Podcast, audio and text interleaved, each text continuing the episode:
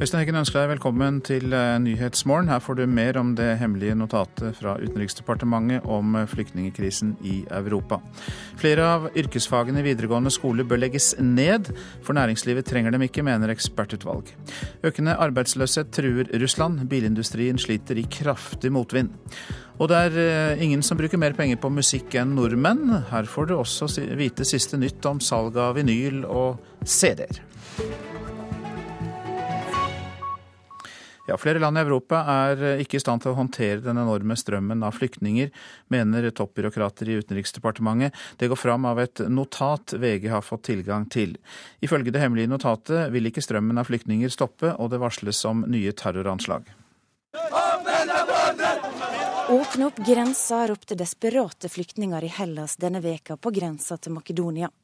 Og slike rop vil bare øke i styrke det kommende året, for strømmen av desperate flyktninger til Europa vil ikke stoppe. Det kommer fram i et hemmelig dokument VG har fått tilgang på fra Utenriksdepartementet.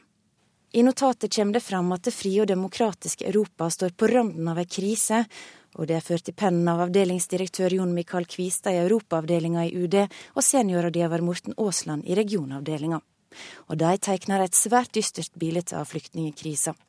For grensa for hva europeiske land klarer å håndtere av asylsøkere er allerede nådd, mener de, eller blir det snart.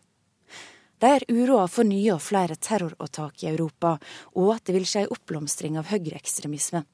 I tillegg mener de at de politiske lederne er mer opptatt av å sikre stabilitet i landene rundt Europa enn å ta omsyn til menneskeretter der. Utenriksminister Børge Brende vil ikke kommentere saka, og kommunikasjonssjef Frode Andersen sier til avisa at notatet er internt, og at utenriksministeren ikke har mottatt det. Sa reporter Eli Eikenes Wengen. Flere av yrkesfagene i videregående skole bør legges ned eller endres. Det foreslår fem ekspertutvalg som har levert sine rapporter til kunnskapsministeren. Grunnen er at eh, næringslivet ikke etterspør eh, disse fagene. Fagbrev i reiseliv er av eh, en av utdanningsretningene som foreslås fjernet. Og Det syns elev Eleni Hagerup ved Nydalen videregående skole i Oslo er synd.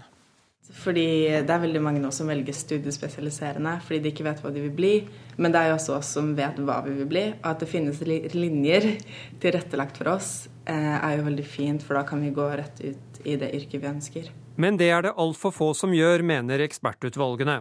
Bl.a. innen fag som reiseliv, kontor og handel peker de på at næringslivet i begrenset grad etterspør elever med fagbrev, og heller foretrekker andre grupper. Det er kunnskapsminister Torbjørn Røe Isaksen som har bestilt rapportene. Han har ikke konkludert, men mener vi trenger bedre samsvar mellom yrkesutdanning og arbeidslivets etterspørsel. Vi kommer til å mangle 90 000 fagarbeidere i 2030. Det er veldig viktig, men samtidig så må vi sørge for at vi utdanner fagarbeidere med den kompetansen som arbeidslivet trenger. Og når vi ser at fra arbeidslivshold så påpeker de at på en del linjer så er det svak oppslutning om fagbrevet. De er usikre på om kandidatene har den kunnskapen og erfaringa som trengs eh, i arbeidslivet. Så krever det en grunnleggende gjennomgang hvor vi stiller spørsmål. Også innen varehandel er det mange bedrifter som ikke ser verdien av dagens fagbrev i salgsfaget. Et utvalg foreslår å trekke kjedenes egne skoler mer med i utdanningen. Det syns kjøpmann Marianne Skjulstad Andersen på Meny Lambertseter i Oslo er bra. Jeg tenker at det er veldig spennende. Jeg tenker at det er viktig at vi er tidlig på banen og kan påvirke i så stor grad som mulig det vi i butikk er opptatt av, og det vi etterspør, og ikke minst kundene. Eh, så det syns jeg virker som et eh, meget godt forslag. I dag går søknadsfristen til videregående skoler ut. Eventuelle endringer kommer ikke over natta, og kunnskapsminister Torbjørn Røe Isaksen vil ikke advare elever mot å velge de fagene som kan bli lagt ned. Nei, det vil jeg ikke på noen som helst måte. Og alle som har starta, og, og, kommer jo til å kunne fullføre den utdannelsen. Eh, men så må vi ha debatt om det. Men så må vi jo vente med å si noe om konklusjonene for, for folk og elever til etter vi har ja, bestemt oss hva som skal bli endelig resultat. Og reporter var Tom Ingebrigtsen. Egil Jørgensen han ble kalt landssviker og landsforræder da firmaet han er daglig leder for, drev et midlertidig akuttmottak for asylsøkere i Vindafjord i Rogaland. Alle omtalene av ham skjedde på Facebook. Jørgensen har lite til overs for de truslene han ble utsatt for. Det går jo litt på meg personlig, da, som blir omtalt som en eh, landssviker eller en landsforræder og litt sånne ting. Og trusler mot uh, hva som skal uh, skje med meg hvis det skjer noe med f.eks. Jentene i bygda, som det er nevnt. da. Vet du hvem som står bak? Så Noen skriver jo selvfølgelig med navn og sånne ting, og andre skriver kanskje med noen falske profiler. Jeg veit ikke. Noen kommentarer ser ut til å være skjult. Så, så, noen av de lokale som har vært ute og skrevet om meg, så veit jeg jo hvem de er. Men eh, fra miljøene i storbyene så har jeg jo ikke anelse hvem dette kan være. I fire måneder drev cateringpartner, der Egil Jørgensen er daglig leder, et midlertidig akutt asylmottak i brakkebyen til Vestkorn i Ølensvåg. I helga flytta de siste asylsøkerne ut, og til lokalavisa Granna fortalte Jørgensen i går for første gang om truslene. Det er litt rart å, bli utsatt for sånn hets, på en måte. For en uh, gjør jo bare en uh, jobb. Hva type miljø kommer kritikken fra? Ja, det kommer Etter det jeg kan vurdere, da, så kommer det jo selvfølgelig fra noen rasistiske grupperinger. Både lokalt og, og nasjonalt. Hvordan har uh, familien din takla det? Ja, Ungene mine syns dette her var veldig ubehagelig. Og det, det, skjønner jeg godt, for de blir jo usikre på hva slags trussel på en måte som blir satt på meg. da. Noen av truslene mot Jørgensen kommer altså fra lokale personer. Ordfører Ole Johan Viardal i Vindafjord tar sterk avstand fra dette. Nei, Sånne ytringer er ikke greit. Ehm, det syns jeg ikke noe om. Ehm, det er lov å ha forskjellige meninger, og det skal vi respektere til folk Noen er for, og noen er imot. Det skal vi ha respekt for. Men, men sånne direkte sjikanering og trusler, det har jeg ikke sansen for. Etter en vurdering valgte Jørgensen ikke å anmelde truslene til politiet. Men ettersom alle truslene kom på ulike sider på Facebook, varsler han nettgiganten. Jørgensen setter pris på støtten fra ordføreren, og presiserer at han også opplever massiv støtte i lokalbefolkningen. Jeg har fått masse støtteerklæringer lokalt, særlig da, fra folk i bygda som jeg kjenner. Og de har skrevet meldinger til meg på Facebook, private meldinger, og, og kommet med støtteerklæringer for det de har lest eh, på Facebook. da. Hva betyr det for deg? Ja, Det syns jeg er veldig kjekt at uh, folk engasjerer seg i det. Og, og, jeg har forståelse for at folk er både skeptiske og uh, positive til å, å, ha et akuttmottak i en så lita bygd som Ølen og Ølensvåg. Så det setter jeg pris på at uh, folk støtter opp om det. Det er bra. Reporter Gisle Jørgensen. Nå til Russland, for eh, tallet på permitteringer og arbeidere som må jobbe korte arbeidsuker, øker kraftig der. Den russiske bilindustrien sliter i motvind, og landets største fabrikk, Lada-fabrikken i Togliatti, har nå innført fire dagers arbeidsuke det neste halvåret. We know that. Tøffe toner fra den svenske direktøren på Autovas-fabrikken i Togliatti ved Volga, midt i Russland, da NRK var på besøk der for ett år siden. Den svenske bilindustriveteranen ble håndplukket til denne jobben for å få skikk på fabrikken, som er mest kjent for å ha produsert bilmodell Lada. Det her Foretaket har jo vært misført i mange, mange år. Va? Og jeg tror, som du ser på medarbeiderne, så at alle oppskatter at ha men selv om Bo Andersson gikk hardt ut og gjennomførte omfattende rasjonaliseringstiltak for å få Autovas til å bli mer lønnsom, så har også han nå innhentet av den økonomiske virkelighet som truer hundretusener av arbeidsplasser i Russland. Autovas tapte mer enn 8 milliarder norske kroner i 2015, og overlever bare pga. omfattende støtte fra den russiske staten. I forrige uke kom så meldingen om at Lada-fabrikken nå innfører fire dagers uke et halvt år framover. Samtidig som den anerkjente næringslivsavisen Vedomosti mandag denne uken skrev at også Bo Anderssons stilling nå er truet, fordi aksjonærene mener han ikke har klart å få skikk på bedriften. Det gikk så langt at jeg var tvunget til å be om uh, skydd fra regjeringen. Bonderson fortalte NRK om tøffe tider som bedriftsleder for gigantfabrikken ved Volga. Og trolig har han sikret seg en såpass solid bonus at han ikke tar det så hardt om han nå må gå som sjef for fabrikken. Verre er det for de titusenvis av arbeidere som nå går en svært vanskelig framtid i møte. Lønningene er skåret ned til et minimum, og nærmere én million mennesker i Togliatti og Samara-regionen står i ferd med å miste hele eksistensgrunnlaget. Også en annen av Russlands store bilfabrikker, Kamaz, som produserer lastebiler, sliter tungt og arbeidet bare for halv maskin i hele februar. Ifølge nyhetsbyrået Interfax er det nå mer enn 300 000 mennesker som arbeider redusert arbeidsuke i Russland, og dette tallet vokser fra uke til uke. Men arbeidslivseksperten Igor Poljakov sier til avisen Vedomosti at tallet trolig er langt høyere, og at én million russere nå jobber redusert og dermed får mindre penger å rutte med. Det er mye i et land der den yrkesaktive delen av befolkningen på rundt 145 millioner blir stadig mindre. Den ungarskfødte økonomen og investoren George Soros spådde for to uker siden at Russland kommer til å gå konkurs i 2017. Dette er kanskje ønsketenkning fra en mann som er sterkt kritisk til styret til president Vladimir Putin. Men det er neppe tvil om at de lave oljeprisene og sanksjonene som er innført fra Vesten pga. den russiske annekteringen av den ukrainske Krimhalvøya, langsomt nå undergraver fundamentet for russisk økonomi. Det skal bli spennende å se om russiske myndigheter nå har økonomiske muskler og politisk vilje til å redde den hardt pressede bilindustrien fra fullstendig kollaps. Morten Jentoft, Moskva. Så kaster vi et blikk på avisenes eh, forsider. Bashar al-Assads øyne stirrer mot oss fra Dagbladet.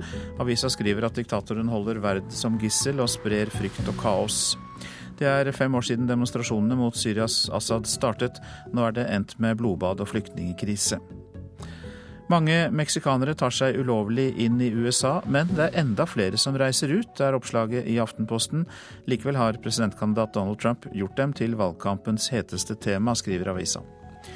Opprør i USA er oppslaget i Klassekampen. Bernie Sanders' politiske revolusjon har forandret amerikansk politikk, uansett utfallet av de mange nominasjonsvalgene i dag, skriver avisa.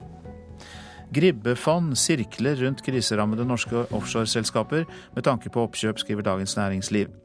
Oppkjøperne ser nå muligheter til fortjeneste ved kjøp av norske bedrifter, etter at 40 milliarder kroner i børsverdier er skrelt bort, sier analytikere til avisa. Ni av ti nordmenn vil forby profitt på velferdstjenester, viser meningsmåling gjort for Tankesmien Manifest og gjengitt i Vårt Land. Dermed har byrådet folk i ryggen når de vil gjøre driften av 15 sykehjem i Oslo om fra private til kommunale. Til en kostnad på nærmere 50 millioner kroner, skriver avisa. Nasjonal transportplan er et svik mot Nord-Norge. Den er en katastrofe for Troms. Det er reaksjoner Nordlys har hentet inn fra politiske ledere. Flere veiprosjekter vrakes, og ny europavei 8 via Nordkjosbotn og Skibotn mot Finland er langt nede på listen. Den økte importen av storfekjøtt er en av de største fiaskoene i den norske landbrukspolitikken, sier næringspolitisk sjef i Nortura, Gunnar Dalen, til Nasjonen. Mer kjøttproduksjon i Norge vil skape verdier, utnytte Norges grasressurser bedre og styrke distriktspolitikken. Så Dalen vil at bøndene bør få 1,8 milliarder kroner i investeringsstøtte fra staten for å få det til. Langrennsstjernen Martin Jonsrud Sundby vil ikke ha favorittstempel foran Ski Tour Canada, som begynner med sprint i kveld. Sundby leder jo verdenscupen soleklart, men han tror Finn Hågen Krogh vinner i Canada. Ja, det er uten tvil. Eh, hvis du ser eh, isolert på konkurranseomsettet, så vil jeg si Finn Hågen Krogh er soleklar favoritt med de resultatene han har hatt i det siste. Sundby har vært eh, klart best denne sesongen, mens Finn Hågen Krogh er hakket raskere i sprint, så han kan ha en fordel der, ettersom det er tre sprinter på programmet i Canada. Men favoritt vil ikke finnmarkingen være. Ja, jeg hørte det der. Det det er vel eh, årets eh, største skisprang så langt. Så. Uten uhell kan totalen bli bra, sier Krog, som ligger som nummer to i verdenscupen. 704 poeng bak Sundby. Det er jo kanskje ikke så mye uhell som i Tour Ski, så, så tapte jo en del tid til Martin der. Men nei, det er jo, Martin er jo selvfølgelig favoritt. Da. Jeg er jo nok avhengig av å gjøre bedre sprinter enn jeg har forutsetninger til, tror jeg. Eh, det er såpass mye sekunder her som som tas på, på tre sprinter. Petter Northug liker denne formen for langrenn, men han innser at det blir vanskelig å stoppe Martin Jonsrud Sundby igjen. Jeg må først og fremst eh, ønske å være med kjempe med Finn om andreplassen, selv om han har fått et bra, bra, bra luke nå i cupen.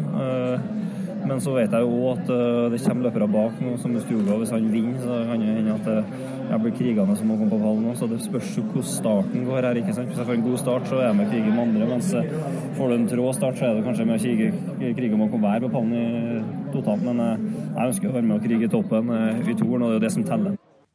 Reporter Pål Thomassen. Klokka har passert 6.48. Dette er hovedsaker. Enkelte strekninger på T-banen i Oslo er i gang igjen. Tidligere i morges var det full stans på hele T-banenettet. Gjennom sentrum er det fortsatt ingen T-baner som går, men strekningene vestlig Carl Berner, Helsfyr-Bøhler og Helsfyr-Bergkrystallen er åpnet. Flyktningkrisen kan føre til et Europa i oppløsning, står det i et internt notat i UD som VG har fått tilgang til. Kommunikasjonssjef Frode Andersen i UD sier notatet verken er gjennomgått eller godkjent av departementets ledelse. Og vi har hørt at flere av yrkesfagene i videregående skole bør legges ned. Næringslivet trenger dem ikke. Det er flere ekspertutvalg som eh, mener det. I dag setter politiet i gang etterforskning etter sprengningsulykken i Bagn i Valdres i går, der en gravemaskinfører i 40-åra mistet livet. Ulykken skjedde da gravemaskinen ble brukt til å rydde opp etter sprengning nær en tunnel på E16, og trolig har gravemaskinen kommet borti udetonert sprengstoff. Det er stille på ulykkesstedet i går kveld. Noen timer før, om lag klokka 15.45 på ettermiddagen, førte en voldsom og uventet eksplosjon til at en mann i sin beste alder mistet livet her. Politiets innsatsleder på stedet, Bård Sørumshaugen, forteller hva som skjedde. Det har vært utført sprengningsarbeid her tidligere i forhold til nye påslaget på nye tunnelen som skal komme. Og eh, i opprenskarbeid etter, i etterkant av sprengningen så har det da gått av en uh, ny sprengladning. Resultatet av eksplosjonen var fatal. Følgende var at uh, føreren av gravemaskinen omkom momentant som følge av den kraftige eksplosjonen. I dag vil politiet sette i gang etterforskning av tragedien ved tunnelinnslaget på den nye E16 mellom Bang og Bjørgo. Etterforskningen vil bl.a. skje i samarbeid med Arbeidstilsynet og Direktoratet for samfunnssikkerhet og beredskap, DSB, forteller Bård Sørumshaugen. Det som skjer videre, at det vil bli nedsatt en etterforskningsgruppe eh, ledet av politiet. Så med, med Arbeidstilsynet, DSB, og Statens vegvesen, som eh, står for eh, utbygginga her, og eh, lokale entreprenøren, så vil alle parter jobbe sammen om dette nå for å finne, klarlegge årsaken for at denne ulykka skjedde.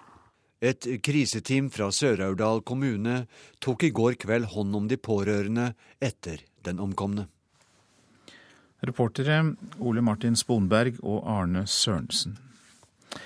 Nye skredkart fra Norges vassdrags- og energidirektorat vil avgjøre om det skal bli boligbygging igjen i området som ble rammet av et stort snøskred i Longyearbyen før jul. Deretter skal lokalstyret og de berørte etter skredet tenke på hva slags område som, hva dette området skal brukes til. Og Det er teknisk sjef Marianne Aasen som sier det. Først så må vi få de nye farkartleggingene fra NVE. Eh, og etter det så vil NVE også se på mulige tiltak, eh, om det er da skredsikring eller flyttebebyggelse. Og så må man sammen med de som eh, var sterkest berørt, tenke, tenke hva man skal bruke området til. Betyr det at dere utelukker at det blir bebygd dette området? Vi kan ikke utelukke det i dag, men det er altfor tidlig å, å begynne å tenke på nå. Og Lars Egil Mogård var reporter. Nå om musikk du kan holde i handa. Altså salg av fysisk musikk som vinylplater og CD-er. For det viser seg nemlig at det økte med 30% i fjor, etter mange år med nedgang. Hvor mye musikk kjøper du på på CD? Uh, I gjennomsnitt i året så kan det bli en 150-200 CD-plater. Ole Johan Johansen er en tromsøværing som er glad i musikk. Det er ingen platebutikker i Tromsø lenger, så Ole Johan ser etter plater på Coop Obs hypermarked. Nå er jeg akkurat på jakt etter den eh, Grand Prix-CD-plata, men jeg ser den ikke komme her. Ole Johan er ikke alene om å kjøpe CD-plater. Tall fra IFPI viser at fysisk platesalg har steget hele 30% målt opp mot fjoråret. Og det er både salg av vinyl og salg av CD som faktisk har økt fra 2014 til 2015. Mye av grunnen til dette er mye mer som utgis på vinyl, og det har også vært svære CD-kampanjer og mye ute i dagligvareforretningene f.eks. som har båret frukter, og som har gjort at salget, CD-salget faktisk har gått opp med nesten 17 millioner kroner fra 2014 til 2015. 2015 var et godt år for norsk musikk.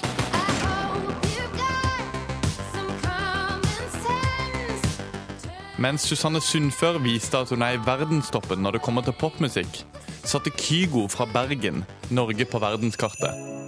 Men det vi ser internasjonalt, og som vi får mye tilbakemeldinger på fra våre internasjonale miljøer, er at Norge er et av de landene som er mest interesse rundt i utlandet.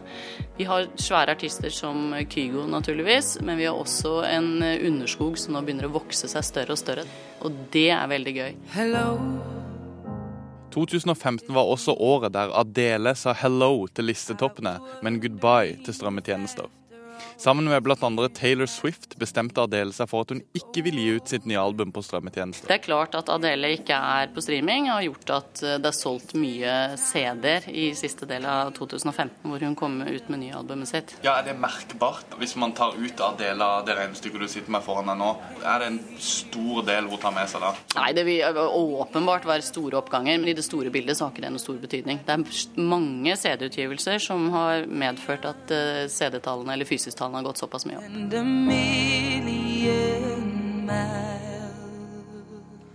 Reporter Daniel eh, Eriksen. Da har Erik Hillestad kommet til studio. Hjertelig velkommen. Takk for det.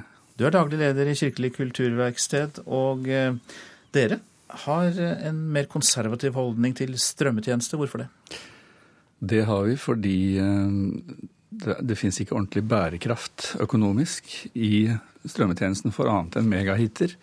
Strømmetjenestene har i praksis flyttet økonomien i bransjen over fra nyprodusert musikk og nyheter til gammel, allerede for lengst finansiert musikk. Vi har alltid vært på strømmetjenestene, men bare med, bare med 96% av katalogen. Nyhetene har vi pleid å vente med litt.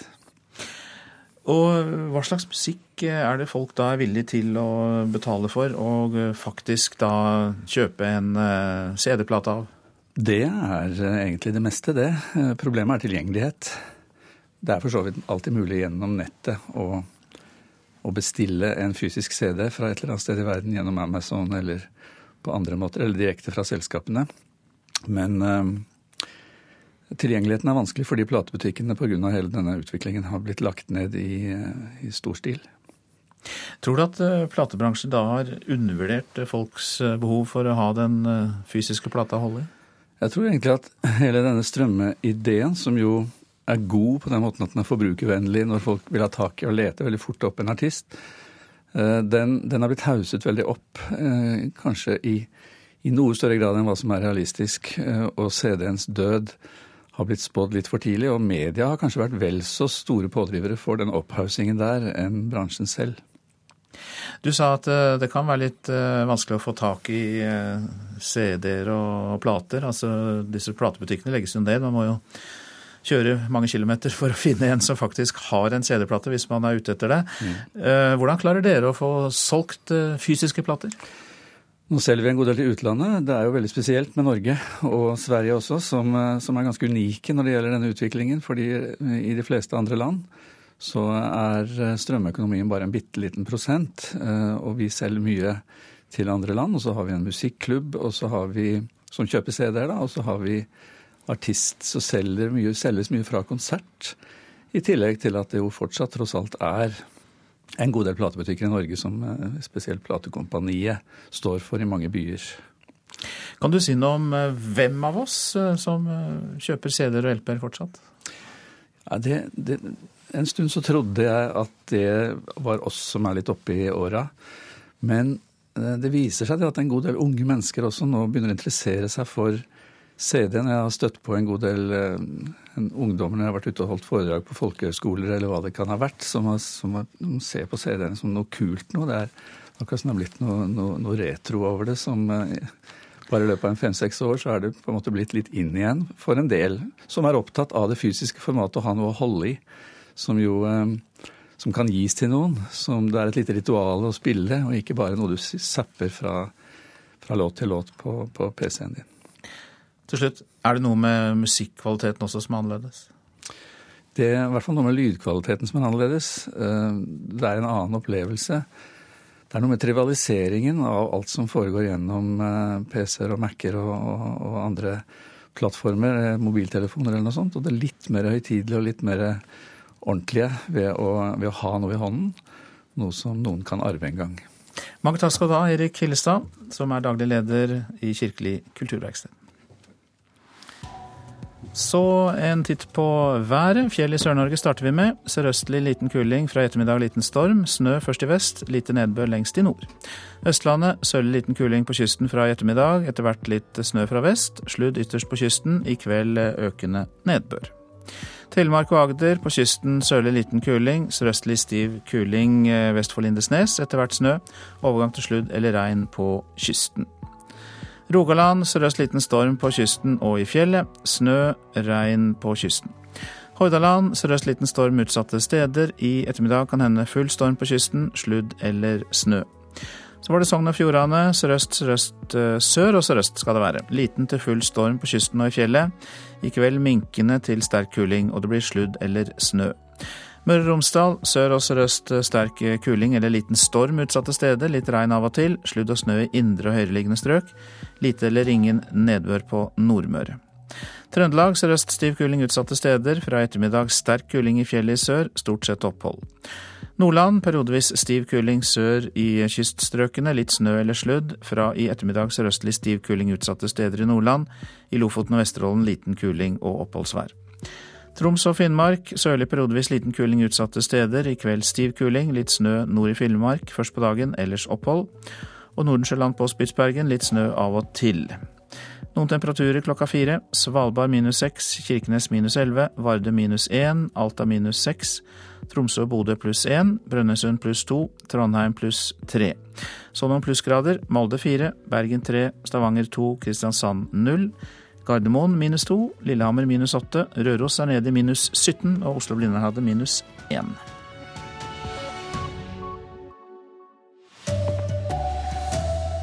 Strømmen av flyktninger vil føre til et Europa i oppløsning. Det frykter toppbyråkrater i Utenriksdepartementet. Fem ekspertutvalg vil legge ned flere av yrkesfagene. Her er NRK Dagsnytt klokka sju ved Anne Jetlund Hansen. Flere land i Europa er ikke i stand til å håndtere den enorme strømmen av flyktninger. Det mener to toppbyråkrater i Utenriksdepartementet, ifølge et notat VG har fått tilgang til. Strømmen av flyktninger kommer ikke til å stoppe, og byråkratene advarer om nye terrorangrep. I notatet kommer det fram at det frie og demokratiske Europa står på randen av ei krise, og det er ført i pennen av avdelingsdirektør Jon Michael Kvistad i Europaavdelinga i UD og seniorrådgiver Morten Aasland i regionavdelinga. Og de tegner et svært dystert bilde av flyktningkrisa. For grensa for hva europeiske land klarer å håndtere av asylsøkere er allerede nådd, mener de, eller blir det snart. De er uroa for nye og flere terroråtak i Europa, og at det vil skje oppblomstring av høyreekstremisme. I tillegg mener de at de politiske lederne er mer opptatt av å sikre stabilitet i landene rundt Europa, enn å ta omsyn til menneskeretter der. Og det sa reporter Eli Eikenes Wengen. Flere av yrkesfagene i videregående skole bør legges ned eller endres. Det foreslår fem ekspertutvalg som har levert sine rapporter til kunnskapsministeren. Torbjørn Røe Isaksen har ikke konkludert, men mener vi trenger bedre samsvar mellom yrkesutdanning og etterspørselen i arbeidslivet. Vi kommer til å mangle 90 000 fagarbeidere i 2030. Det er veldig viktig, men samtidig så må vi sørge for at vi utdanner fagarbeidere med den kompetansen som arbeidslivet trenger. Og når vi ser at fra arbeidslivshold så påpeker de at på en del linjer så er det svak oppslutning om fagbrevet. De er usikre på om kandidatene har den kunnskapen og erfaringa som trengs eh, i arbeidslivet. Så krever det en grunnleggende gjennomgang hvor vi stiller spørsmål. Kina planlegger å kutte antall statlige ansatte med opp mot seks millioner de neste par årene, i et forsøk på å redusere overkapasitet i industrien og å kutte forurensningen. Det sier to kilder som er knyttet til den kinesiske ledelsen. Mellom 2008 og 2013 så førte en gjennomgang av statlige selskaper til at 28 millioner arbeidsplasser ble kuttet. Det kostet myndighetene drøyt 100 milliarder kroner. I utbetalinger til fond som skulle hjelpe folk på fote igjen. Det er nå full stans i T-banetrafikken i Oslo igjen. For kort tid siden så var noe av trafikken i gang igjen, men nå står altså togene på nytt. Og årsaken er en feil på signalanlegget. Passasjerer bes om å ta alternativ transport.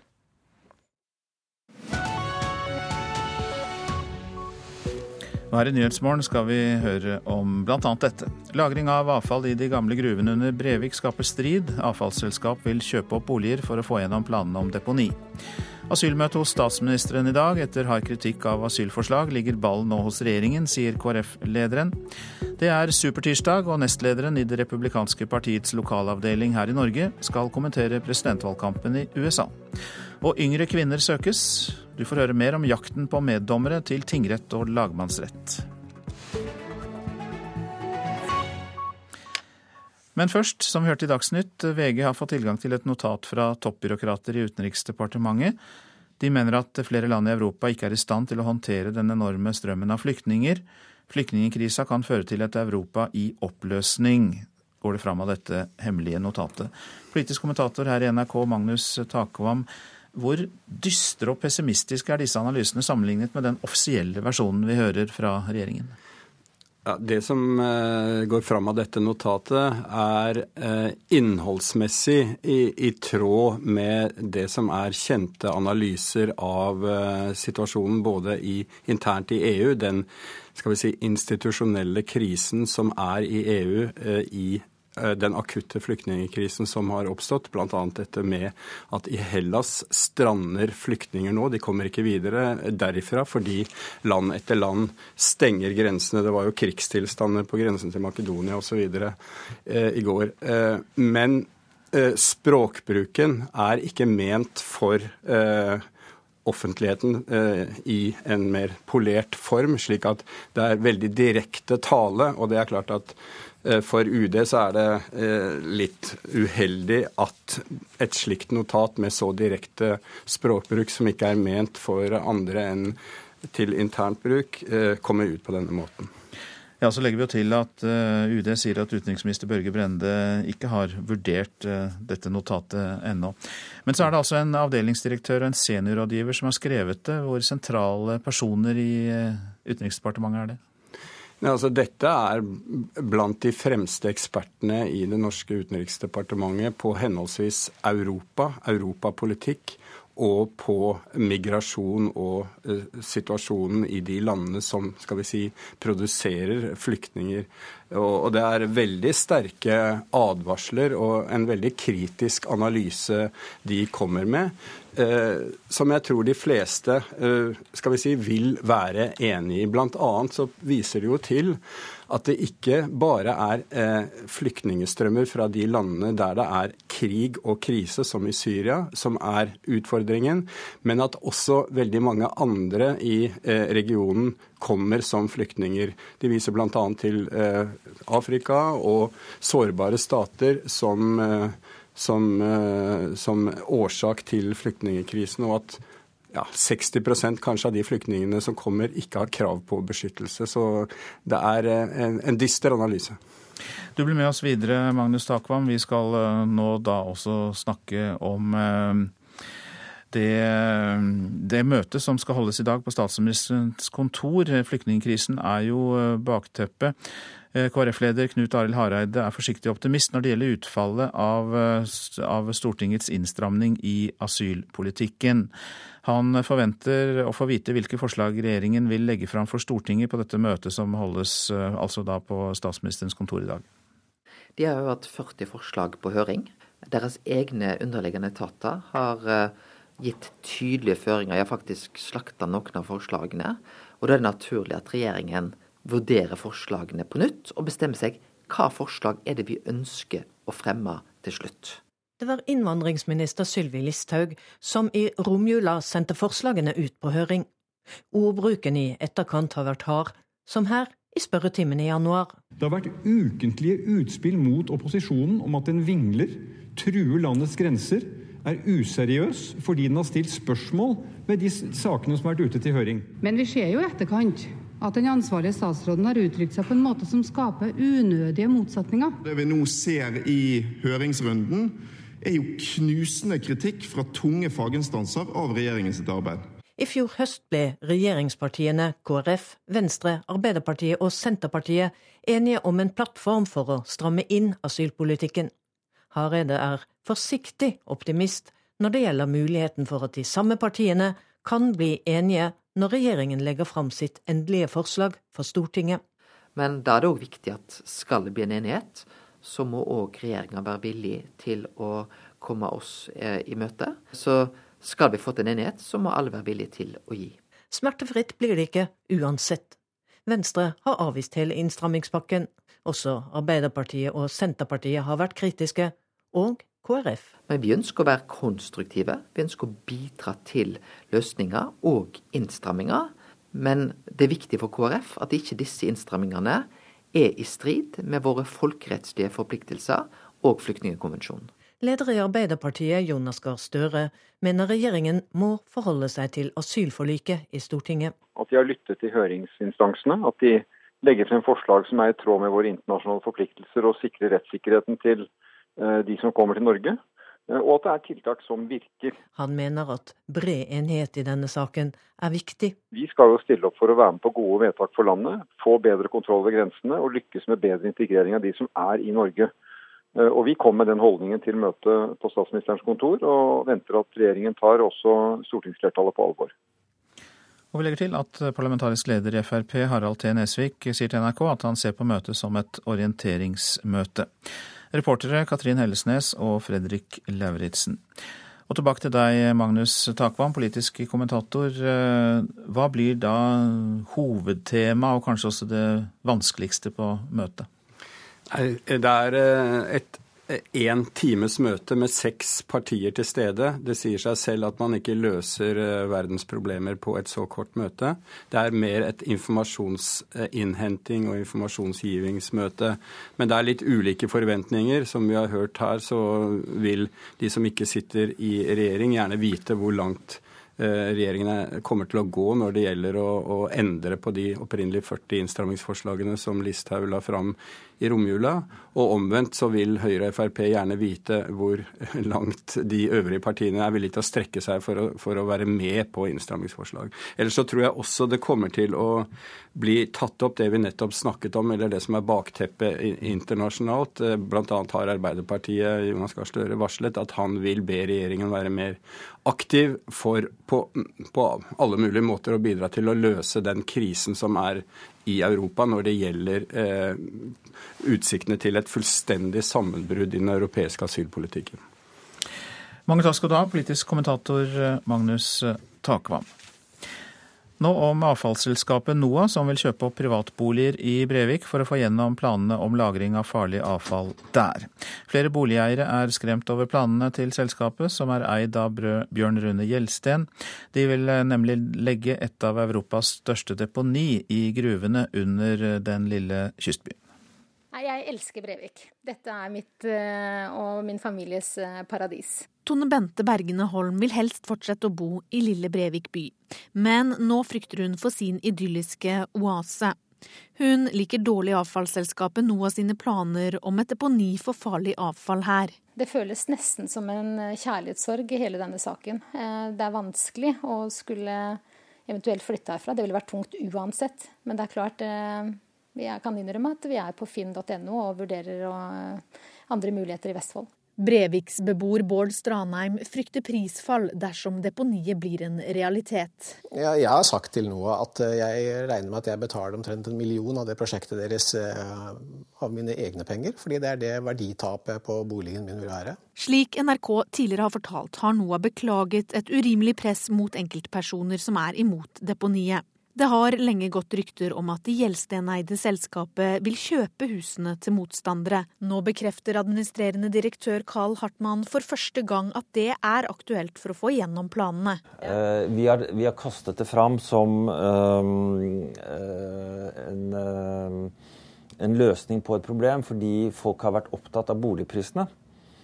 Og vi har gått inn og sett historiske data på hvordan boligprisene har utviklet seg både i Brevik etter etableringen av Renor, som er farlig organisk avfall, og etter at vårt prosjekt kom allmennheten til kjenne. Og vi har også sett på boligprisene her i Holmestrand etter at vi etablerte oss. er, Vi ser ingen sammenheng mellom boligprisutviklingen og at sånne prosjekter eller anlegg har kommet på plass. Tom Jacobsen er tillitsvalgt for dem som jobber i gruva i dag. Han har nettopp kjøpt ny bolig nærmere det planlagte deponiet, og håper på nye arbeidsplasser der. De som, de som skriker høyest, er selvfølgelig de som er imot. Og det er lett å få med seg folk når du er imot en ting, og kaller det for gift og, og både det ene og det andre. Hadde det vært et snev av sannhet i det de sier, så hadde jeg også vært livredd. Men tilbake hos dem som frykter, i huset til Stranheim. Han har ikke tatt stilling til om han vil selge huset sitt til NOAH. Nei, nå skal vi sørge for at det deponiet blir liggende et annet sted. Eh, hvis det ikke gjør det, så skal vi eh, ta den saken opp til vurdering seinere. Reportere Veronica Westrin og Line Tomter. Og vi vil gjerne snakke med en som virkelig har greie på verdier av boliger. Christian Dreyer, riktig god morgen til deg. God morgen. Du er direktør i Eiendom Norge, og bransjeorganisasjonen for eiendomsmeglere er jo det. Vi hørte jo at boligeiere er bekymret for verdien på hjemmene sine. Hvor sannsynlig er det at i dette tilfellet prisene på boliger påvirkes? Jeg skal være litt forsiktig med å eh, kommentere for konkret på denne saken. Kjenner den kun gjennom media. Men på sånn generell basis så er eh, beliggenhet eh, det er jo det sentrale når de fleste av oss kjøper bolig. Og ved investeringer eller sånne type prosjekter som dette, så, så kan, litt enkelt forklart, en beliggenhet som betegnes som en A-beliggenhet, rykke ned til en type B-beliggenhet. Og, og, da vil også prisnivået i en sånn type område kunne falle.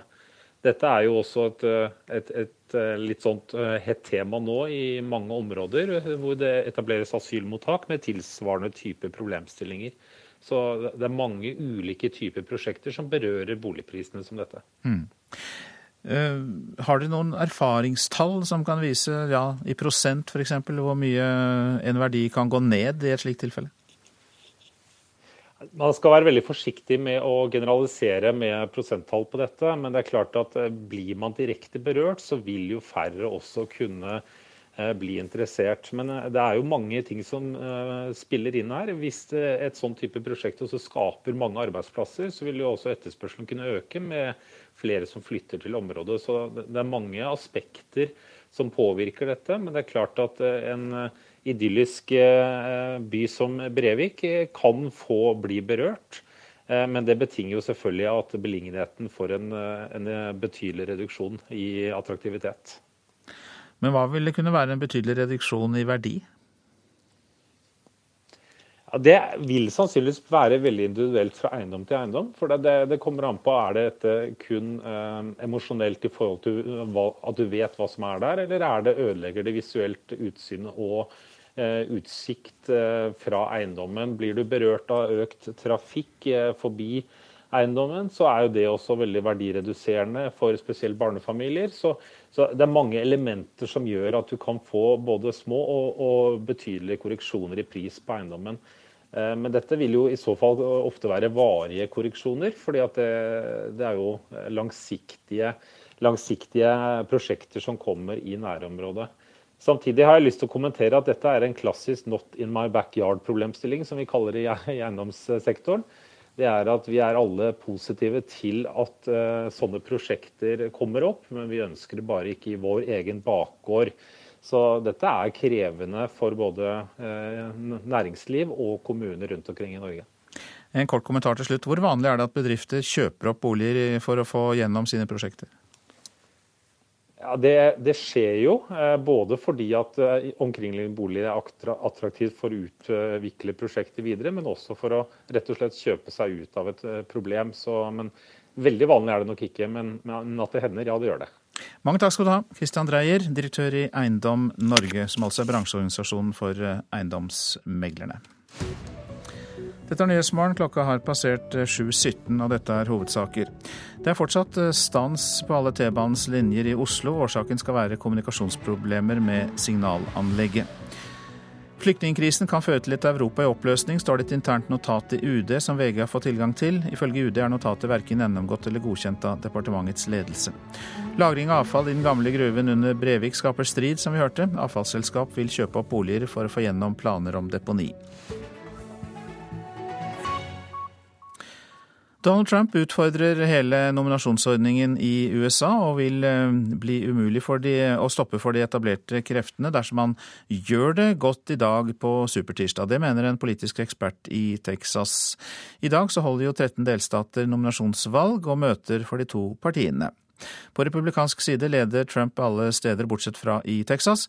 Men også der er det mange som eh, elsker ham. Og eh, i Texas er også USA-korrespondent Tove Bjørgaas. I like his stance on immigration. Uh, I feel like that he is the one that will keep our United States more safe. Uh, he's not politically correct. That I, I really love about that. Donna Clem i Fort Worth i Texas ser mange kvaliteter i Donald Trump, og skal stemme på ham i dag. At han snakker rett fra levra og lover å beskytte USA mot fiender, er noe av det viktigste for henne. Det er ventet rekordhøy valgdeltagelse i de republikanske nominasjonsvalgene her og i ti andre delstater. Og det er pga. én mann. Well, just so you understand, I don't know anything about David Duke, okay? I don't know anything about what you're even talking about with uh, white supremacy or white supremacists. So Han har snudd etablerte sannheter i det amerikanske valgsystemet på hodet. Her er han uklar om hvorvidt han ønsker støtten til hvite rasister som har sagt at de støtter ham. Men uttalelsen fra lørdag føyer seg inn i en lang rekke som har gitt Trump en enorm mediedekning her i USA. Donald Trump comes into the race with 92% name recognition, but not from politics, from being a celebrity in the culture. And he brings with that recognition an ability to. James Henson peker på at nettopp dette har vært Trumps store sjakktrekk. Lederen for The Texas Policy Project ved University of Texas her i Austin mener kjendisstatusen og stilen til Trump har gjort det mulig for ham å bruke media på en måte vi ikke har sett før. Media har gitt ham så mye gratisreklame at valgkampen hans har blitt svært billig. Trump setter slik hele valgsystemet på prøve, mener Henson. Donald Trump being unlike really any other candidate that we've seen at a particular time of technological development. Vinneren av valgene i dag blir erfaringsmessig partienes presidentkandidater. Og Trump ligger svært godt an til å gjøre store slemme overfor Ted Cruz og Marco Rubio, selv om det selvsagt kan komme overraskelser. På demokratisk side ligger Hillary Clinton nå langt foran Bernie Sanders på meningsmålingene. Enkelte i eliten i det republikanske partiet har sagt at noen kan forsøke å stoppe Trump ved å stille motkandidater på partiets landsmøte i juli. Men James Henson tror ikke dette vil være mulig. I, I think if Donald Trump comes out of the process, which is designed to work uh, via the primaries and the caucuses and the, and the contest for delegates, Republican elites have a difficult time stopping him at the convention without causing a major, a major disruption in the party and a major disruption in the party's chances in November. Det var fra Texas. And uh, good morning, Austin Rasmussen. Good morning. You are with us on uh, Skype and we'll doing this interview in English. Det er altså Austin Rasmussen, fungerende visepresident i Republicans Abroad uh, Norway, som er med oss. Og, and uh, what's your view of the election campaign on the Republican side so far? Well, I think today's going to be an interesting day uh, as far as the uh, primary. excuse me, as far as the primaries and the uh, caucuses go. Uh, Trump is expected to win a fair majority of it, but uh, I think I think uh, anything can happen at this point, especially with the controversy over the weekend, and and looking forward to see what happens there. And which contra- controversy do you do you think about there? Uh, his the controversy with Trump and, and the endorsement from the uh, from David Duke, the white supremacist. Um, obviously, I, I, think Trump probably made a, a genuine error there as far as uh, not exactly knowing the details of the story surrounding it uh, when he was questioned about it on CNN. But uh, of course, from a, a PR standpoint, uh, it doesn't look good. Uh, not being able to disavow the KKK leader, of course, doesn't stand. It doesn't bode well for him. But uh, with that controversy, I think it kind of shakes things up a little bit. But again, any, anything could happen, and, and he is still pulled to uh, to win a fair majority of the primaries today. A few words in Norwegian.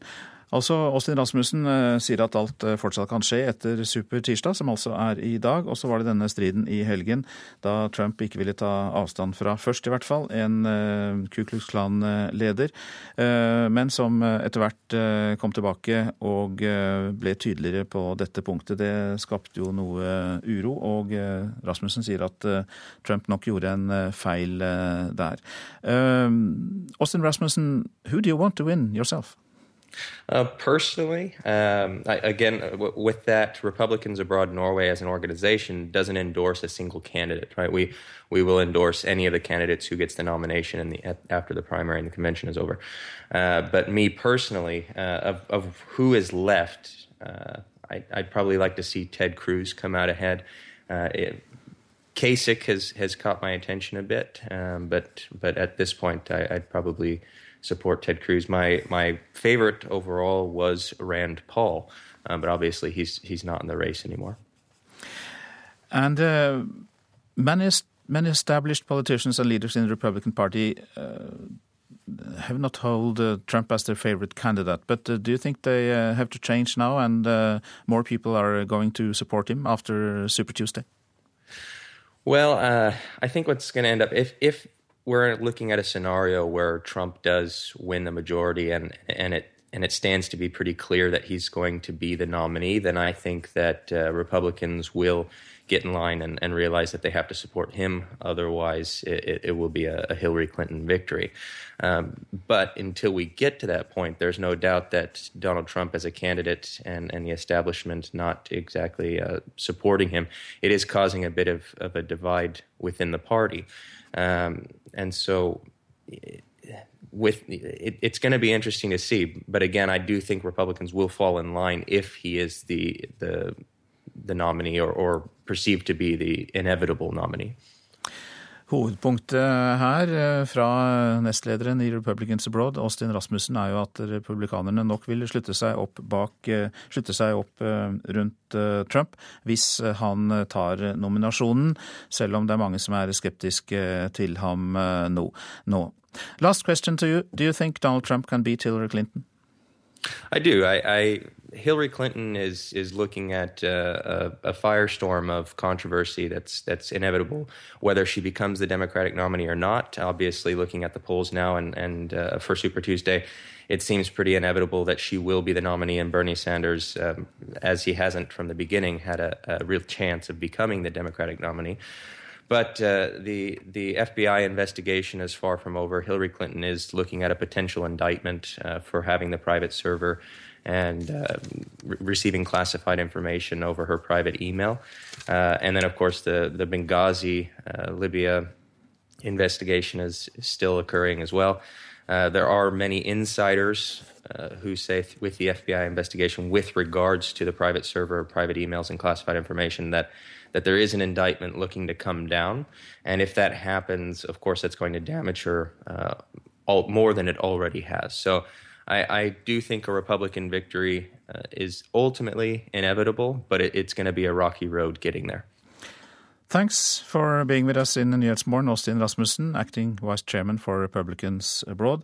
Og han omtalte jo der eh, på slutten eh, de eh, omstridte sakene som Hillary Clinton kan bli anklaget for i valgkampen, bl.a. e-poster som hun har brukt privat server til. Og eh, Austin Rasmussen altså, er altså acting vice chairman for Republicans Abroad i eh, Norge. Det er eh, vanskelig å få yngre, og spesielt da kvinner, til å bli meddommere. Kommuner rundt i hele landet jobber i disse dager med å skaffe nok av dem til bl.a. tingrett og lagmannsrett, og det er vrient. Jeg sak. Rettssak, liksom. De unge vi møter på torvet i Hønefoss blir veldig skeptiske da vi spør om de kunne tenke seg å være meddommere i en rettssak. Nei. Nei, jeg tør ikke ha så mye makt, jeg. Det hadde sikkert vært eh, spennende å sett en rettssak fra innsida. Hva tenker du hvis du hadde blitt innkalt da, til å bli meddommer? Det har sikkert vært litt skummelt. Ja, det er jo mye ansvar. Her ser vi, her har vi lagmannsretten. Ikke sant? Den har vi fått fylt opp. Så der har vi bra. Og så har vi tingretten, da. Som vi fortsatt ikke vet hvor mange vi har behov for. Kari Veien Dené, førstekonsulent i Ringerike kommune, blar i permen, som forteller at hun fortsatt mangler meddommere. Altså, nå har vi, vi skal ha ca. 140 stykker til sammen. Vi har fått 100 nå. Um, og vi har brukt Facebook og internett og prøvd å få folk til å søke frivillig, for det er jo det beste. Men det er ikke like enkelt. Alle kommuner må skaffe privatpersoner til å være meddommere i bl.a. tingretten, lagmannsretten og jordskifteretten. I Kongsberg mangler kommunen over 100 meddommere til tingretten. Det er vanskelig å få tak i de yngre. Altså, meddommerne skal speile gjennomsnittet av befolkninga i kommunen. Og jeg har stort behov for de fra 21 til 35. Og det sa Kari Veien Dené, som leter etter meddommere i Ringerike kommune. Og reporter her, det var Anette Skafjell. Du lytter altså til Nyhetsmorgen, og det er Katrine Nybø som er produsent. Her i studio, Øystein Heggen. Det har alltid vært en radikal motkulturell venstreopposisjon i USA, så president Presidentkandidat Bernie Sanders er ikke den første. Hør mer om det i reportasjen etter Dagsnytt. Og eh, i Politisk kvarter, forslagene til Nasjonal transportplan skal opp til debatt mellom samferdselsminister Ketil Solvik-Olsen fra Frp og Geir Pollestad fra Senterpartiet.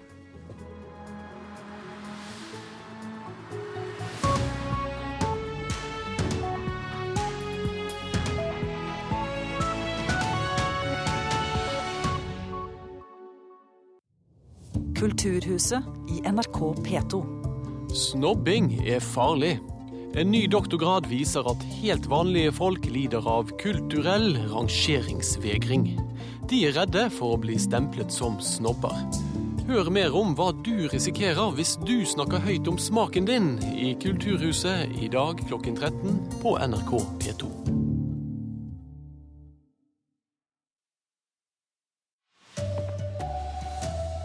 Strømmen av flyktninger vil føre til et Europa i oppløsning. Det frykter toppbyråkrater i Utenriksdepartementet. Avfallsselskap vil kjøpe opp boligene til motstandere av søppeldeponi for å få igjennom planene sine. Og flere av yrkesfagene bør legges ned, det mener ekspertutvalg. Her er NRK Dagsnytt klokka 7.30 ved Anne Jetlund Hansen.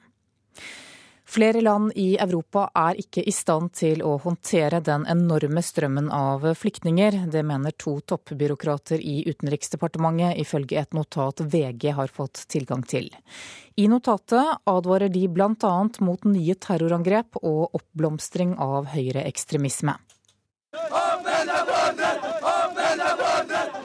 Åpne opp grensa, ropte desperate flyktninger i Hellas denne veka på grensa til Makedonia. Og slike rop vil bare øke i styrke det kommende året. Et dokument VG har fått tilgang på fra Utenriksdepartementet, skildrer et Europa i krise. Det er ført i pennen av avdelingsdirektør Jon Mikael Kvistad i Europaavdelinga i UD og seniorrådgiver Morten Aasland i regionavdelinga. De skriver mye av det Europa har oppnådd står på spill, og med det deler av grunnlaget for frihet og vekst i Europa og vårt eget land de siste tiårene.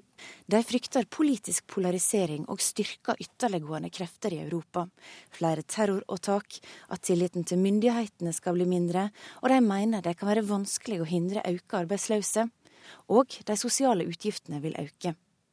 De tar også til orde for at Europa skal være mer opptatt av å sikre stabilitet i landene rundt oss, enn at innbyggerne i disse landene skal få demokrati og bedre menneskeretter. I notatet står det det er dilemmaer knyttet til samarbeid på politi- og sikkerhetssektoren med land som Eritrea eller udemokratiske land i Midtøsten, men det er sannsynligvis helt nødvendig. Utenriksminister Børge Brende vil ikke kommentere saka. Og kommunikasjonssjef Frode Andersen i UD sier til avisa at notatet er internt, og at utenriksministeren ikke har mottatt dokumentet. Det sa reporter Eli Eikenes Wengen. Politisk kommentator her i NRK, Magnus Takvam. Hvor oppsiktsvekkende er innholdet i dette notatet? Ja, Det oppsiktsvekkende er jo det direkte språket og den usminkede beskrivelsen av eh, den eh, enorme flyktningekrisen som er under oppseiling. Både når det gjelder eh, det institusjonelle i Europa, der i øyeblikket Hellas opplever en helt uholdbar situasjon. Flyktninger blir strandet, nabolandene stenger grensene, og man har bare dager på seg, ifølge EU selv, til å redde asylsystemet i Europa. Og også analysen av potensialet for migrasjon fra andre regioner, fra Nord-Afrika eh, og fra Midtøsten til eh, Europa, er meget alarmerende. Men innholdet er kjent. Det er den upolerte beskrivelsen som, er, som, som skaper eh, oppsikt, og som, som gjør at, at alle legger merke til det, selvfølgelig. Og nettopp flyktningkrisen i Europa danner bakteppet når partiene som var med på høstens asylforlik, møtes i dag. KrF-leder Knut Arild Hareide er forsiktig optimist når det gjelder å få et bredt flertall i Stortinget om innstramming i asylpolitikken. Hareide forventer å få vite hvilke forslag regjeringen vil legge frem for Stortinget. De har jo hatt 40 forslag på høring. Deres egne underliggende etater har eh, gitt tydelige føringer, ja faktisk slakta noen av forslagene. Og da er det naturlig at regjeringen vurderer forslagene på nytt, og bestemmer seg hva forslag er det vi ønsker å fremme til slutt. Det var Høyre, Frp, KrF, Venstre, Arbeiderpartiet og Senterpartiet som i fjor høst ble enige om en plattform for å stramme inn. Hareide er forsiktig optimist når det gjelder om de samme partiene kan bli enige når regjeringen legger fram sitt forslag for Stortinget. Men da er det òg viktig at skal det bli en enighet, så må òg regjeringa være villig til å komme oss eh, i møte. Så skal vi få til en enighet, så må alle være villige til å gi. Smertefritt blir det ikke uansett. Venstre har avvist hele innstrammingspakken. Også andre partier har innvendinger. Og parlamentarisk leder i Fremskrittspartiet Harald T. Nesvik sier til NRK at han ser på møtet som et orienteringsmøte, og ikke ønsker å kommentere utover det. Reportere var Katrin Hellesnes og Fredrik Lauritzen. Og politisk kommentator Magnus Takvam, du er fortsatt her i studio nå. Du, hvor realistisk er det å få med alle disse seks partiene? Jeg tror for det første at dette møtet i, i, dag tidlig klokka åtte er et, som de var inne på her, et informasjonsinnhentingsmøte i regjeringens arbeid med å lage det endelige forslaget på bakgrunn av disse 40 innstrammingsforslagene fra Sylvi Listhaug i romjulen. Så tror jeg også at det internasjonale bakteppet vi tok opp nettopp, vil bli tatt opp, og det blir, vil bli reist krav til regjeringen om at de må være aktive for å forhindre en fullstendig eh, europeisk, et europeisk sammenbrudd av asylinstitusjoner institusjonene. Når det så gjelder den endelige eh, behandlingen av forslagene, så er det mest spennende om Venstre og Fremskrittspartiet til slutt kan møtes i forhandlinger i Stortinget. Det kan gå, men det er slett ikke sikkert at alle disse seks blir med til slutt. Dette blir også tema i Politisk kvarter i dag, i P2 og Alltid nyheter klokka 7.45. Trafikken på T-banen i Oslo er nå i gang igjen, men det er store forsinkelser. Tidligere i morges var det full stans på hele T-banenettet pga. en feil på signalanlegget. Avfallsselskapet NOAH vil kjøpe opp privatboliger i Brevik i Telemark for å få igjennom planene om lagring av farlig avfall der. Flere boligeiere misliker planene til selskapet, som vil legge et av Europas største deponier i gruvene under den lille kystbyen. Innbygger Bård Strandheim frykter et prisfall på boligen sin. Ja, jeg har sagt til NOAH at eh, jeg regner med at jeg betaler omtrent en million av det prosjektet deres eh, av mine egne penger, fordi det er det verditapet på boligen min vil være. Og hva har NOAH sagt da? Da har de sagt at det er de villige til å fikse med å kjøpe huset mitt. Det har lenge gått rykter om at det Gjelsten-eide selskapet vil kjøpe husene til motstandere. Nå bekrefter administrerende direktør Carl Hartmann for første gang at det er aktuelt for å få gjennom planene. Eh, vi, har, vi, har, kastet det fram som um, en, en løsning på et problem, fordi folk har vært opptatt av boligprisene. Hvor mange boliger kunne dere tenke dere å kjøpe i Brevik? Ja, det har vi ikke tenkt på. Men dere kan, har ikke råd til å kjøpe hele Brevik? Det hadde vi ikke tenkt, nei. nei. Nei, jeg elsker Brevik. Dette er mitt eh, og min families eh, paradis. Tone Bente Bergene Holm vil helst fortsette å bo i lille Brevik by, men nå frykter hun for sin idylliske oase. Hun liker dårlig avfallsselskapet noe av sine planer om et deponi for farlig avfall her. Det føles nesten som en eh, kjærlighetssorg i hele denne saken. Tom Jacobsen er tillitsvalgt for dem som jobber i gruva i dag. Han har nettopp kjøpt ny bolig nærmere det planlagte deponiet, og håper på nye arbeidsplasser der. De som, de som, skriker høyest, er selvfølgelig de som er imot. Og det er lett å få med seg folk når du er imot en ting, og kaller det for gift og, og både det ene og det andre. Men tilbake hos dem som frykter, i huset til Stranheim. Han har ikke tatt stilling til om han vil selge huset sitt til NOAH. Nei, nå skal vi sørge for at det deponiet blir liggende et annet sted. Eh, hvis det ikke gjør det, så skal vi eh, ta den saken opp til vurdering seinere. Reportere var Veronica Westrin og Line Tomter. Flere av yrkesfagene i videregående skole bør legges ned eller endres. Det foreslår fem ekspertutvalg som har levert hver sin rapport til kunnskapsministeren. Fagbrev i reiseliv er én av utdanningene som foreslås fjernet, og det synes Leni Hagerup ved Nydalen videregående skole er synd. Fordi det er veldig mange nå som velger studiespesialiserende fordi de ikke vet hva de vil bli.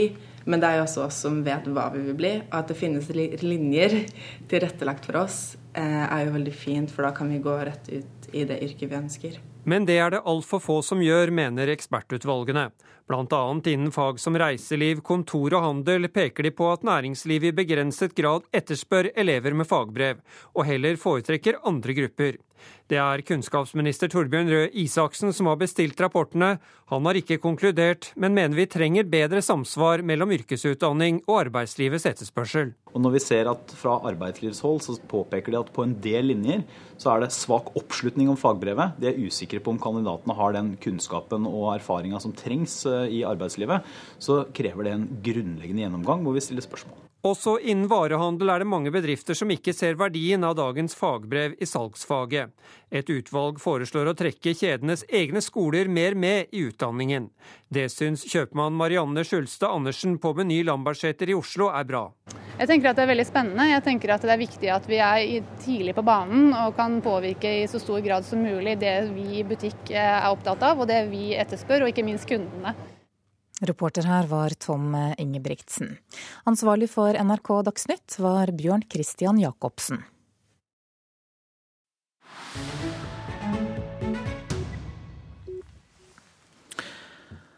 Da slår vi fast at du lytter til Nyhetsmorgen. I USA er det som kjent eh, supertirsdag i dag. Det holdes nominasjonsvalg i mange delstater. Og et eh, overraskende moment i valgkampen har jo vært at en sosialist har gjort det så bra. Bernie Sanders har tatt, talt kapitalen midt imot, og mange mener han er i ferd med å ta landet over mot venstre.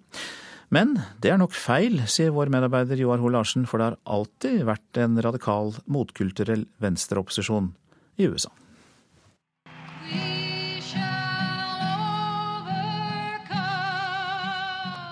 Borgerrettsbevegelsen på 60-tallet var politisk radikal. Det var solidaritet i praksis, med krav om like rettigheter og samme vilkår for svart som hvit. Men det stoppet ikke der. I 1968 var det enorme protester i Chicago i forbindelse med demokratenes nominasjonsmøte. For Democrats, the Chicago Convention of 1968 was a. Vietnam-demonstranter og Black Panthers, yuppies og studentradikalere gjorde nominasjonsmøtet det året til det mest uforglemmelige i demokratenes historie. Men det er politivold og arrestasjoner, protester og sammenstøt som huskes, ikke at Hubert Humphrey ble nominert. Surely we have now learned the lesson that violence breeds counter-violence and it cannot be condoned, whatever the source. Anti-Vietnam-kandidaten Eugene McCarthy var en slags Bernie Sanders i 1968. Han skapte begeistring. Unge sympatisører klippet hår og skjegg, de gikk fra dør til dør i New Hampshire, der McCarthy fikk 24% av stemmene, bare slått av president Johnson, som trakk seg som kandidat to uker senere. Den radikale bølgen var også den gang tilsynelatende noe nytt. Men ikke for dem som husket valget i 1933, New Deal og FDR. Keep that faith constant. Keep that faith high. So shall we win through to a better day. Det var depresjon i USA på 30-tallet. Økonomisk krise og arbeidsledighet, fattigdom og til dels nød. President Franklin Delano Roosevelt delte ut kortene på nytt. A New Deal. When it was over, Roosevelt had won a smashing victory. Staten opprettet nødsarbeidsplasser for å øke sysselsettingen. Det var statlig næringsvirksomhet og statlige støtteordninger for så vel bønder som banker. Staten tok ansvar for sine borgere og innførte velferdsordninger for hardt trengende. I dreamed I saw Joe Hill last night, alive as you and me. Trubaduren og fagforeningsaktivisten, svenskfødte Joe Hill, var radikal. Det samme var de italienske innvandrerne, anarkistene Sacco og Vanzetti. De var farlige. I 1915 ble Joe Hill henrettet, og i 1927 Sacco Vanzetti. Tiltalt for og funnet skyldig i mord. En hel verden protesterte og sa at de var uskyldige, og hevdet at de ble straffet fordi de drev klassekamp og ikke fikk rettferdig behandling. These two men could not get justice in the American system. Justice is not meted out equally to the rich and the poor, to the native born and the foreign born. Det er lange tradisjoner for alternativ tenkning, politisk opposisjon og kulturradikalisme i USA. Men det er uorganisert og ofte litt tilfeldig. De trenger gjerne en ytre begivenhet og en karismatisk hærfører. Det er sjelden snakk om sosialisme, men mange av de konkrete kravene kan til forveksling ligne på noe de ellers ville tatt avstand fra på prinsipielt grunnlag. De vet bare ikke om det. Dette er hovedsaker i nyhetene. Strømmen av flyktninger vil føre til et Europa i oppløsning, frykter toppbyråkrater i Utenriksdepartementet i et internt notat VG har fått tilgang til. Avfallsselskap vil kjøpe opp boligene til motstanderne av avfallsdeponi i Breivik. Brevik. Det vil de gjøre for å få gjennom planene om et deponi i gamle gruveganger under byen. Flere av yrkesfagene i videregående skole bør legges ned, mener ekspertutvalg. Grunnen er at næringslivet ikke etterspør dem. Og Trafikken på T-banen i Oslo er i gang igjen, men det er store forsinkelser. Tidligere i morges var det full stans på hele nettet pga. feil på signalanlegget. Politisk kvarter nå, programleder Håvard Grønli.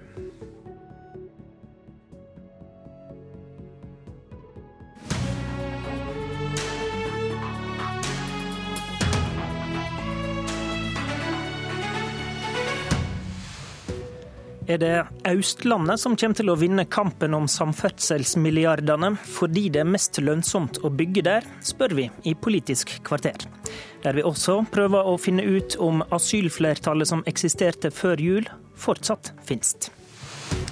Det skal nemlig partilederne prøve å finne ut i dag, men vi starter med Nasjonal transportplan. Fagetatene la fram sine forslag til prioriteringer for den neste tolvårsperioden i går. Var det skissa av en nasjonal transportplan, eller var det nesten bare en transportplan for Østlandet? Det spørsmålet stilte du deg i går, leder i næringskomiteen Geir Pollestad fra Senterpartiet. Hva gjorde at du stilte deg det spørsmålet?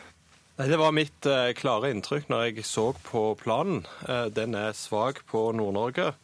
Eh, et prosjekt som ferjefri E39 halter. Det er dårlig på rassikring, og det er for lite på fylkesveier. Det er for lite på kyst. Så det var liksom en sånn summen av dette som gjorde at jeg følte at her var det en veldig klar østlandsprioritering. Det mener jeg skyldes to ting. Det ene er at en har bestilt en plan som skal legge til grunn samfunnsøkonomisk lønnsomhet. Og det andre er at i en tid når oljepengebruken går til værs, så ser en at en har bestilt en plan fra eh, regjeringa der en legger opp til en utflating i veksten til samferdsel. Eh, og Summen av dette gjør at det blir veldig klar eh, prioritering av de mest sentrale strøkene i landet. Tenker du da slik at når en gir prioritet til det som er samfunnsøkonomisk lønnsomme prosjekt, så må det nødvendigvis gi denne effekten? Nei, men jeg opplever at det, det har blitt for mye kalkulator og for lite vekt på eh, samfunnsbygging og det å realisere eh, hele prosjekt. Eh, for en eh, laks som skal fra Nord-Norge og til Europa, så betyr det litt lite eh, den enkelte samfunnsøkonomiske lønnsomheten i prosjektet underveis. Det er viktig at en har hele store prosjekt. Eh, og det eh, mener jeg er en oppgave i behandling av transportplanen å få bedre oppmerksomhet på det. Ketil Solvik-Olsen, eh, samferdselsminister fra Frp. Er du enig i at rapportene du fikk i går, så er det østlandsprosjektene som blir definert som de mest lønnsomme? Nei, jeg, jeg, tror bare altså Den debatten Pollestad legger opp, det blir helt meningsløs. Jeg tror heller han skal få lov til å sette seg ned og lese litt mer. fordi at dette er en veldig god eh, utgangspunkt som fagetatene har gitt. Jeg tror ikke han blir seende akkurat sånn ut når den politiske gjennomgangen er ferdig. Men her er det lagt opp nettopp til helhet. Det er litt rart å høre kritikk fra en regjering som, eh, tidligere regjeringsmedlem som bemerka seg å bygge ting stykkevis og delt, som lot infrastrukturen forfalle i de åtte årene i styret komme og si at en ikke tenker helhet. Fordi at denne rapporten her, den legger jo opp til å faktisk eliminere alt opparbeidet forfall på norsk vei og på norsk jernbane. Forfall som har bygd seg opp over mange, mange tiår sier vi her at dette kan vi fjerne. Vi kan få alle veiene i normalt tipp topp stand. Men la oss ta, men la, men la oss ta dette med samfunnsøkonomisk nytte, som, som, er, det sentrale i hans resonnement. Eh, veidirektøren sier jo til DN at han kan ikke komme på noen prosjekt utenfor Østlandet på denne lista over de mest samfunnsøkonomiske prosjektene. Altså, det, det er vel en faktisk korrekt beskrivelse, eller er det ikke det? Nei, Det er ikke en korrekt beskrivelse. Hvis du ser på lista som er lagt fram, så er det veldig mange farledsprosjekt, altså kystprosjekt. Kystprosjekt, som, som, men, men, hvis vi ser på vei kyst, kyst, Og da snakker du om ting som ligger utenfor, uh, utenfor uh, Østlandet. Men det viktigste de har foreslått, er at vi skal bruke desidert mest penger i forhold til dette forslaget. Så er jo det faktisk å vedlikeholde den infrastrukturen som finnes over hele landet. Og når jeg har reist rundt, nå har jeg kjørt alle europaveier i landet, jeg har kjørt veldig mange av riksveiene. Det vi hører spesielt i Distrikts-Norge, det er at veiene våre har forfalt. Det er, uf eh, det er uframkommelighet om vinteren. Det er uforutsigbarhet om sommeren fordi at du ikke vet hvilken tilstand ting er i. Du har ikke sett asfaltmaskiner på mange tiår. Derfor er den eh, planen som nå er lagt fram, den beste satsingen på Distrikts-Norge. For det er jo virkelig når du da øker vedlikeholdet, at du får komme hele landet til gode. Så har vi sagt at samtidig i og med at vi faktisk har en kraftig forslag, kraft, forslag til kraftig vekst i bevilgningene her, i motsetning til det Geir Pollestad gir inntrykk av, så har vi sagt at samtidig som vi vedlikeholder der vi kommer distriktene til gode, så er det noen plasser du må bygge veldig mye ny kapasitet. og Det er ikke minst rundt byene. Mm. Derfor er det nå òg en kraftig satsing på by. og Jeg forstår jo når jeg hører på Pollestad hvorfor infrastruktur har forfalt over mange år med den holdningen han har. Jeg forstår også hvorfor køene har etablert seg i de nivåene de har i byene, når han faktisk sier at det nesten ikke er vits i å satse på byene. Her må vi satse på begge deler. og Det er derfor det òg ligger inne kraftig vekst i bevilgningsnivåene. Ser ikke du disse vedlikeholdspoengene i planen som er lagt fram i går, du da? Jo, vedlikehold er kjempeviktig, men jeg kan, ikke si, til, en kan ikke si til hele landet at uh, når veien er fem meter brei og svingete, at her trengs det asfalt. Da trengs det faktisk investeringer. Det og det er forholdet over hele landet. Men det mener Så er det når det gjelder uh, altså Statsråden er veldig opptatt av å bruke de store ordene om det som skjedde uh, før. Jeg mener at i den forrige transportplanen så ble det lagt inn to store, viktige prosjekt. Intercity i østlandsområdet og ferjefri E39. Ingen av de blir fulgt opp godt nok fra fagetatene.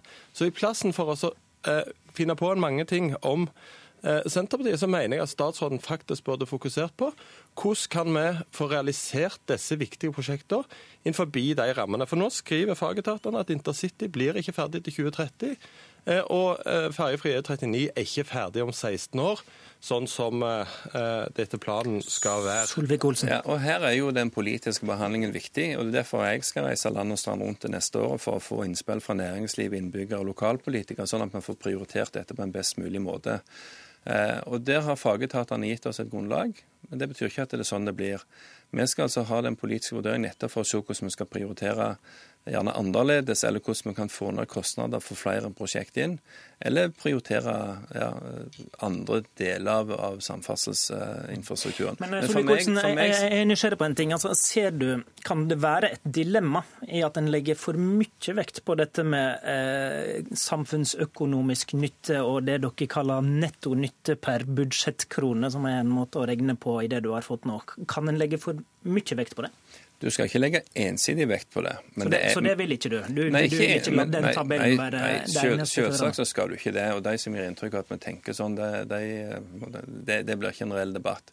Men jeg må huske at noe av det som er som mest samfunnsøkonomisk nyttig, det er jo utbygging av Ofotbanen som virkelig vil komme Nord-Norge til gode. Så det er heller ikke riktig at det kun er i byene ting løser seg. Men det er vel kanskje det eneste unntaket? Ja, og så har du det jeg nevnte med alle farledsprosjekt og sånne ting. Men, men, greia er jo at når vi har et budsjett her som, eh, der en legger opp til å bruke 350-400 milliarder kroner på vedlikehold, så er ikke det bare å strø litt asfalt utover fem meter brede veier. Dette er vedlikehold og fornying det betyr altså at der veiene åpenbart er for smale, så tar du utvider de. Det er òg en del av den jobben å gjøre, nettopp for å sikre fremkommelighet. Men du trenger ikke firefelts motorvei overalt. Du trenger ikke ha dobbeltspor og jernbane alle steder i landet. Noen steder så handler det faktisk om at det veien du har i utgangspunktet er ganske bra, men den er forferdelig dårlig vedlikeholdt. Det opplevde vi når vi kjørte både E6, E18, E39, riksveier og over på fylkesveier. Og nå ser vi altså at i mange tiår så har vedlikeholdet vært så dårlig prioritert at du har et økende forfall. Men, og at det er akkumulert forfall som er Og alle har sagt, alle har sagt at, det har vært viktig å gjøre noe med, men ingen har prioritert det før nå. Polistan. jeg syns at statsråden burde heller angripe dette på uh, følgende måte og si at ja, det vi har kanskje i bestillingen lagt for mye vekt på denne samfunnsøkonomiske lønnsomheten. Det er vanskelig å beregne Eh, effekten av det å ha utrygge veier pga. Eh, rasfare. Derfor er samfunnsøkonomiske vurderinger ufullstendig når det gjelder vurderingen. Men, og så syns jo jeg at det har ikke lagt vekt på bare på det heller. Så ja, få en reell debatt om helheten. Men Pollestad, hvorfor skulle vi ikke legge vekt på det? Ikke det? Bør ikke vi være opptatt av hva vi får igjen for det vi investerer, da? Jo, men det er ikke alt en kan regne seg eh, til, og det er ufullstendig som eh, beslutningsgrunnlag. Eh, og det er jo, poenget men, men vårt. Og derfor må en i den politiske prosessen si at her må en ha en klarere fordeling. En må vektlegge andre ting enn kun disse beregningene. Det er helt avgjørende. Jo, og det er vi helt enig i. og det, Hvis du leser transportplanen, så er det en tabell som viser hvis du kun legger vekt på samfunnsøkonomisk lønnsomhet. Og så er det en tabell som legger vekt på en masse andre faktorer i tillegg. Så hvis vi skal få en god debatt om Nasjonal transportplan, og det bør vi ha i dette landet, så bør vi ha en mye bredere debatt enn det Senterpartiet legger opp til. Vi har, her skal vi bygge eh, hele landet. Vi skal vi bygge by og land, vei og jernbane. Vi har iallfall starta med den fliken av debatten her nå. Takk til Ketil Solvik-Olsen, og takk til Geir Pollestad.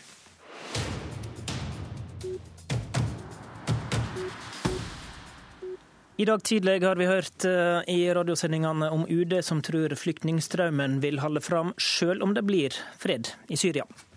Frøy Gudbrandsen, du er politisk redaktør i Bergens Tidende og har nettopp kommet tilbake fra Hellas, som nå tar imot rundt 2000 flyktninger per dag. Tror du flyktningstrømmen til Norge vil holde fram utover våren slik som i fjor, eller endrer den seg nå? Altså Til Norge, eh, det er nå én sak. Den, kanskje den stopper opp. Men til EU, nei, den tror jeg ikke kommer til å stoppe med det første. Og Derfor så er det jo også ganske heftige dager i EU nå, der enkeltland eh, tar beslutninger som har kraftig negative konsekvenser for andre medlemsland, med å stenge grensene osv. Så, videre. så det er, eh, det er definitivt ganske kritisk og dramatisk i EU nå. Og dette, jo, og dette, er jo, bakteppet for et møte som skjer nå klokka åtte. Det er seks partier som sto sammen om asylforliket i november, eh, møtes på Erna Solbergs kontor for å prøve å finne tilbake til semja de hadde den gangen, men som har blitt utfordra av sterk uenighet om Sylvi Listhaugs 40-punktliste senere. Magnus Takvam, politisk kommentator her i NRK. Hva har Erna Solberg å tilby i dag? Jeg tror ikke hun i dette møtet har noe, noe, å tilby i den forstand at hun kommer med skal vi si, innrømmelser og viser kortene hvor eh, regjeringspartiene er villige til å komme de andre partiene i møte. Det er mer et informasjonsmøte der begge parter føler hverandre litt på tennene, og der man prøver å kartlegge hva de ulike posisjonene er, med tanke på det endelige forslaget som eh, Sylvi Listhaug og regjeringen skal komme med til Stortinget i begynnelsen eh, av april. Ellers så tror jeg også, eh, for så vidt har Jonas Gahr Støre allerede varslet det, at han vil ta opp nettopp det internasjonale bakteppet som vi har snakket om, og kreve at regjeringen engasjerer seg enda mer i arbeidet med å hindre en fullstendig oppløsning av situasjonen i mm. asylinstitusjonene asylinstitusjonen i Europa, eh, med det Norge kan bidra med. Men, men, for å spørre litt kynisk da, Magnus. Dersom flyktningene sitter fast i, i, på grensa mellom Hellas og Makedonia, mm. er det da mindre nødvendig for innstramminga i Norge nå? Altså, eh, Hva Norge isolert sett gjør, eh, kan man diskutere effekten av. Jeg tror at i det store bildet så er det klart at de nordeuropeiske velferdssamfunnene uansett er attraktive mål for flyktningstrømmen fra Eh, denne regionen.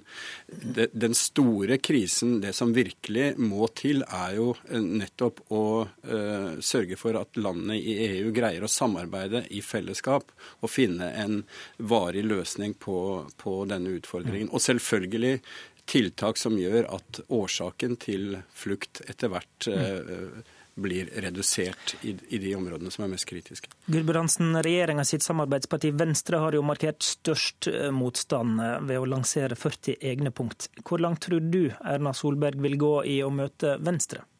Altså jeg jeg tror eh, regjeringen er nødt til å komme, komme, Venstre og KrF i møte på noen punkter. Spesielt på dette med innstramminger på familiegjenforening. Men jeg mener også at det er på tide nå at de borgerlige partiene begynner å snakke mer om eh, hva de har å tjene på å stå sammen. Fordi KrF og Venstre har faktisk eh, mye å tjene på et borgerlig samarbeid, også hvis vi legger eh, asyl helt til side.